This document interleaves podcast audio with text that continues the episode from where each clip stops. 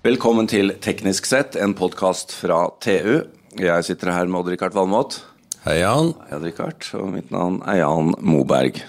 Du, Odd-Rikard, i dag skal vi snakke om et område, får jeg kalle det. For det blir ikke bare et, eh, et tema, liksom. Det blir ganske omfattende. Veldig stort område. Jeg er helt sikker på at, uh, Som opptar alle.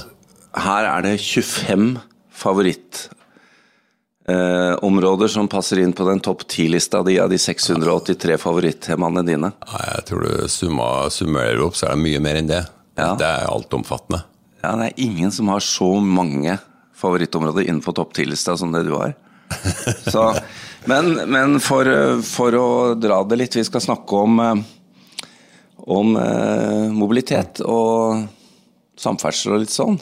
Eh, jeg må spørre deg, Richard, er, er du ute og kjører sånn eh, elsykkel? Sånn sparkesykkel? Nei, jeg, har- Jan, jeg har faktisk ikke prøvd det. Nei. Du, det er, Jeg tror det er tre år siden jeg så det for første gang i Las Vegas, på CES. Eh, og syntes det her var fantastisk. Da var det både rullebrett og sparkesykler og sånn. Og så Hva er det som har skjedd, da? Det, har, det smalt for et eh, er ja, under et år siden. uker så og nå er de overalt. Og flere selskaper er på vei inn. Og det er elektrifisering, delingsøkonomi, alt det her i én smell. Det Ja, ja, det er et eksempel på hvor fort det kan gå, da. Ja, og eh, utrolig. altså At et fenomen kan komme opp, en ny løsning. Og det er jo dette vi skal snakke litt om. Vi har nemlig fått besøk av mm, den personen som har ledet regjeringens ekspertutvalg eh, på teknologi og fremtidens transportinfrastruktur. Dette er eh, snadder, Odd Rikard. Det er det. Absolutt. Og ikke bare det, men vi kjenner jo han som har ledet dette utvalget. Vi har snakket med han tidligere. Det har vi. Det er nemlig administrerende direktør på FFI, Jon Michael Størland. Velkommen. Tusen takk for det. Du hører at Odd Rikard han har til gode å kjøre sånn sparkesykkel, men du har gjort det. Det har jeg gjort. og Senest for to dager siden så kom jeg til eh, Oslo sentralstasjon og var litt seint ute til et møte. Og fikk da testa ut eh, den elektriske sparkesykkelen. Da sparte jeg ja, et kvarter på å gå, men jeg mista mosjonen. Du skulle i møte hvor? Da skulle jeg til Forsvarsdepartementet. Dette er ganske Tenk deg, kom på sånn elsparkesykkel til Ja, det er- det er, Forsvarsdepartementet. Jeg ser jo for meg at det foregår langt mer formalistiske former, egentlig, oppi mitt hode.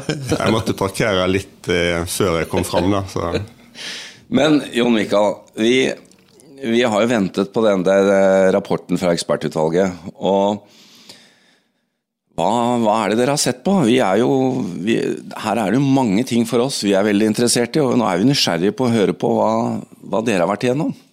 Jo, eh, vi hadde jo en stor dag i går når vi la fram og overrakte rapporten til, eh, til statsråden. Eh, Vi har arbeidet et år, og det var et bredt sammensatt ekspertutvalg. Drømmelag, vil jeg kalle det. Og det vi har sett på i stort, er jo hvordan en skal kunne ta i bruk eh, den eh, rivende teknologiske utviklingen som skjer innenfor eh, transportområdet, på en god måte i, i Norge. Og dette skal jo være et underlag og et innspill til den neste nasjonale transportplanen, som da blir lagt fram for Stortinget i 2021. Og så er det ett av mange innspill. Men vi ser det jo som veldig positivt og offensivt at en ønsker å se på og ta i bruk ny teknologi på en enda bedre måte enn det en har gjort. For her skjer det mye, og det er muligheter for store gevinster for eh, samfunnet. Og vi har jo to hovedbudskap. Det ene er en gladmelding. Og det er at hvis vi evner å ta i bruk eh, ny teknologi på en god og fornuftig måte, så vil det gi både billigere, bedre, mer effektiv og mer klimavennlig både bevegelsesfrihet og mobilitet. Så det er gladmeldingen. Og så har vi en advarsel, og det er at eh, hvis en ikke tar grep for å få dette til, så risikerer en å kaste bort eh, veldig mye eh, midler av skattebetalere og offentlige midler på prosjekt som kanskje ikke gir den effekten som en ønsker. Og vi anbefaler derfor å gå gjennom en god del av de prosjektene som ligger i dagens nasjonale transportplan, og vi har kalt det en stresstest. Og Det Ja. betyr rett og slett å gå inn og se en gang til, i lys av den teknologiske utviklingen. Er dette den beste måten å løse det problemet og den, det behovet som lå til grunn for prosjektet? For der ligger det mange milliarder og venter på å bli brukt. Der ligger det mange milliarder altså en, i både drift og investering i dagens nasjonale transportplan, som går fram til 2029, er det vel. Så snakker vi om 1000 milliarder norske kroner. Ja, det er jo kjempeambisjon. Det er en kjempeambisjon. Men, men, når du snakker om dette å finne ny teknologi og sånn, så tenker jeg tradisjonelt da i Norge så ville man jo tenkt ok, vi må finne en tunnelboremaskin som er enda mer effektiv, eller finne en enda bedre måte å bygge bruer på. Eh, vi har jo, ja, Det har jo vært litt sånn at uh, det kan i hvert fall virke som om vi i Norge har bestemt oss for løsningen heller enn altså konkret at det skal være bro, tunnel, skinnegang, whatever, og ikke egentlig sett på hva vi egentlig skal løse. Trikk.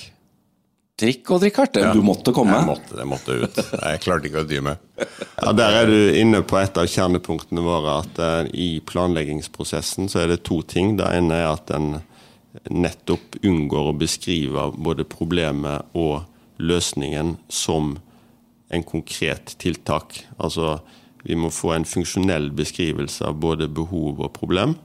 Og da åpner en også kan du si, løsningsrommet for alternative løsninger. Og vi ser det som helt essensielt for å kunne vurdere å ta i bruk ny teknologi på en skikkelig og god måte.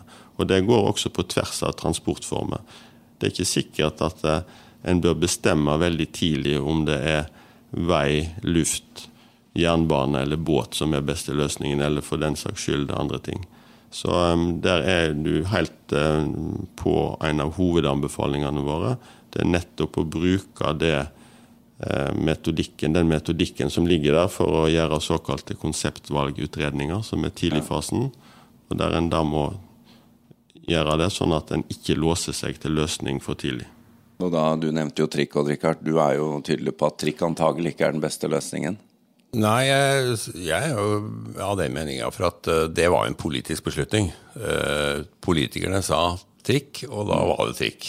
Og så og, så tenker jeg trikk er altså en forkortelse for electric. Mm. Og det som skjer på bussida nå, er at de blir electric. Ja, vi var jo hos Volvo. Ja, og det, det her er uh, sannsynligvis uh, veldig dyrt. Mm. Både i investering og i drift i 30 år fremover.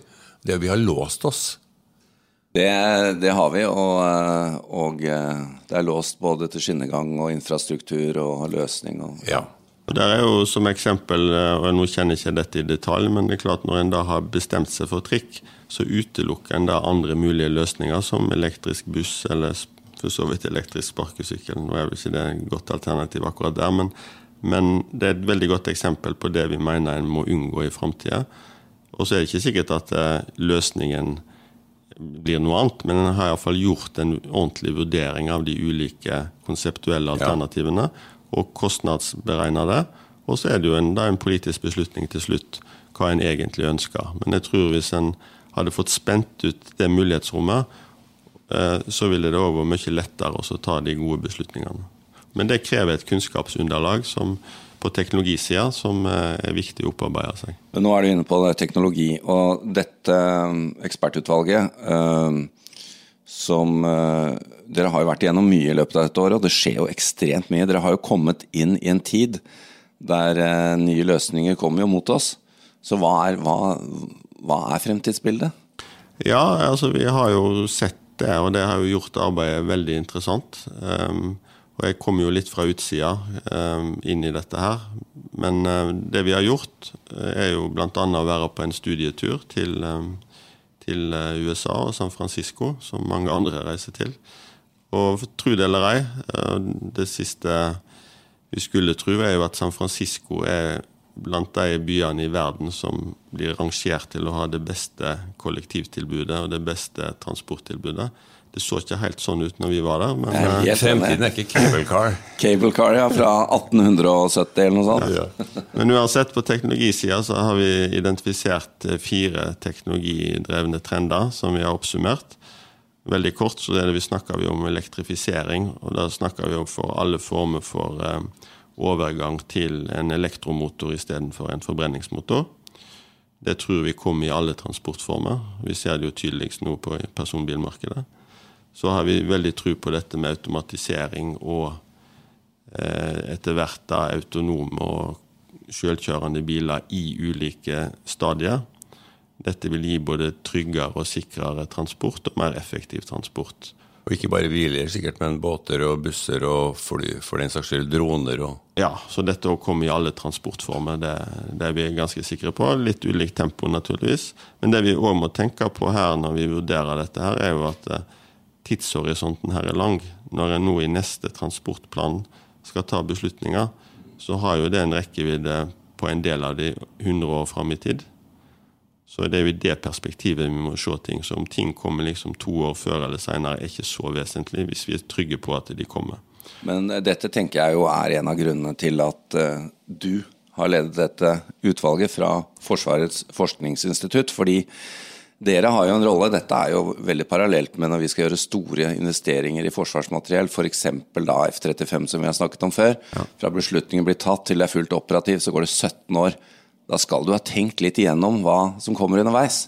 Og det er vel det vi må begynne å venne oss til også innen transportsektoren og infrastruktur? Ja, vi utvalget mener jo akkurat det. Og nå er det klart 17 år er jo for lang tid, så jeg skulle gjerne sett at det er kortere. Men når du først har anskaffa et kampfly, så har vi jo det i i veldig mange år framover. Og det, og det, er dette samme vi ser her i samferdselssektoren. Og skal en fange opp de teknologiske endringene, så er det jo nettopp i den tidlige fasen, når en velger eh, både konsept og teknologi, som blir viktig. Og så må dette kunne oppdateres i levetida etter hvert som teknologien utvikler seg. Og så har vi sett to sånne teknologidrevne trender til, og det kaller vi samhandlende intelligente transportsystem. Og så tror vi òg at vi får nye forretningsmodeller knytta til delingsmobilitet. Og dette begynner vi å se eksempel på allerede. og Elektrisk sparkesykkel er jo nettopp et eksempel på delingsmobilitet som eh, eh, utspiller seg i Oslo akkurat. Den har i hvert fall tatt av, det er ingen tvil om. Men eh, det må, jo, det må jo også være spennende for eh, vår lille nasjon at det finnes næringsmuligheter her, da? Ja, og det er òg en ting vi har sett på, og som vi tror er helt nødvendig for å få realisert eh, teknologien og de løsningene som vi har snakka om. Det er at en utvikler og legger til rette for et næringsliv som kan gi verdifulle bidrag inn. Altså Norge er en liten nasjon, så det er i nisjeområdet vi kan, kan bidra, naturligvis. Men det at en faktisk utnytter den posisjonen Norge har Vi ligger langt framme på en god del områder. Det å ta elbil i bruk, f.eks. Det ligger vi fremst i verden. Innen maritim næring og ubemanna skip ligger vi veldig langt framme. Og vi skal være klar over at sånn som Ruter i Oslo-området og Columbus i Stavanger, for å nevne to eksempel, er helt verdensledende på måten å organisere og legge til rette for kollektivtrafikk på. Og nå er vi antagelig eh, kommer til å være tidlig ute på elfly. Ja, og det er en annen mulighet som kommer. altså Småbanenettet eh, vårt på flyplasssida det også for, Først har vi jo automatisert uh, tårnet ute på Røst. Ja. Det er et, sånn, et eksempel. For øvrig med uh, militærteknologi, men det kan jeg ta med her nå. Uh, men det andre er jo nettopp det at du får elfly med kanskje en passasjerkapasitet opp mot 50, som vil revitalisere hele synet på det med kortbanenettet og småfly. Og så ligger jo Norge langt fram på det marine området med elektrifisering av ferjer og autonome skip og sånt. og det er, det er, jo typisk en sånn gammel klynge vi har som ligger langt framme teknologisk. Ja, og Det har jo vi som utvalg sett på at det forrige nasjonale transportplan hadde jo en god del initiativ for å få tatt i bruk teknologi. Og det har gitt resultat. Det er betydelig stor og gledelig skaperkraft vi ser nå knytta til dette. Og som du er inne på, elektriske ferjer er et veldig godt eksempel. Men det, det, virker jo på meg, som når vi har snakket om dette nå, at der hvor uh, skoen virkelig trykker nå, det er jo ikke å finne nye teknologiske løsninger, for de kommer til å komme. Det som er utfordringen nå, er jo å gjøre ting annerledes, både i prosjektene og i NTP, sånn at vi kan ta inn de nye teknologiene i tide og lære om de. Ja. Hva tenker dere om det? Nei, Det er jo det som blir helt kritisk. og har, Norge har jo forplikta seg til klimamål i 2030 og, og selvpålagt i 2050. og Skal en nå dem, så er det helt essensielt det du tar opp der. At en evner å både få vurdert ordentlig og tatt i bruk ny teknologi på en god måte. Og Nøkkelen til det er tidligfasen av de store prosjektene. Det som eh, blir kalt eh, konseptvalget. Og der en går inn og så ser på de funksjonelle behovene og ikke velger løsning for tidlig. Altså Det må ikke være sånn at det, det er løsningen som blir definert som både, eller mangel på bru, som f.eks. er, er målet eller ja. problemet. Men i de beslutningsstrukturene vi har i Norge for å ta fram de gode løsningene, har vi nok teknologisk forståelse, ikke bare i nåtid, men også litt sånn langsyn fremover? Vi oppfatter jo som utvalg at det har vi ikke. Og vi anbefaler jo derfor en betydelig styrking av teknologikompetansen, og med spesiell vekt på informasjons- og kommunikasjonsteknologi mm. i hele sektoren. Og vi tror det er helt nødvendig for å dra nytte av de mulighetene som faktisk eh, ligger der. Og det å ha det underlaget for å kunne nettopp beskrive de nye teknologiene, gjøre en skikkelig vurdering, ser vi som helt essensielt. Så det å lage gode beslutningsunderlag i tidligfasen ser vi som nøkkelen til å ta i bruk ny teknologi. Hvordan ble denne rapporten mottatt? Følte du at uh, dere fikk gehør for det dere leverte? Jeg var veldig glad for under overtagelsen at statsråden hadde tatt med seg en del av det vi oppfatter som hovedpoengene i rapporten i sin omtale. Og han lovde å ta dette med videre inn i arbeidet med neste nasjonale transportplan. Så det er lovende. Og Richard, Her ligger det an til mange podkaster framover. Gjør det. Og dette, altså, transport er jo noe som opptar alle.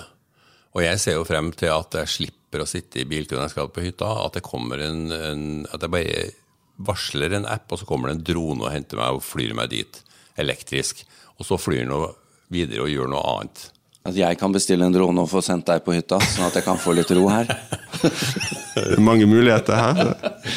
Jon Mikael eh, Størdal, takk for at du kom innom. Eh, vi lover at vi skal lese hele rapporten, for dette er spennende. Og så tenker jo jeg at her ligger det an til at du kommer innom og forteller litt mer etter hvert. Det gjør jeg gjerne, og takk for at jeg fikk komme.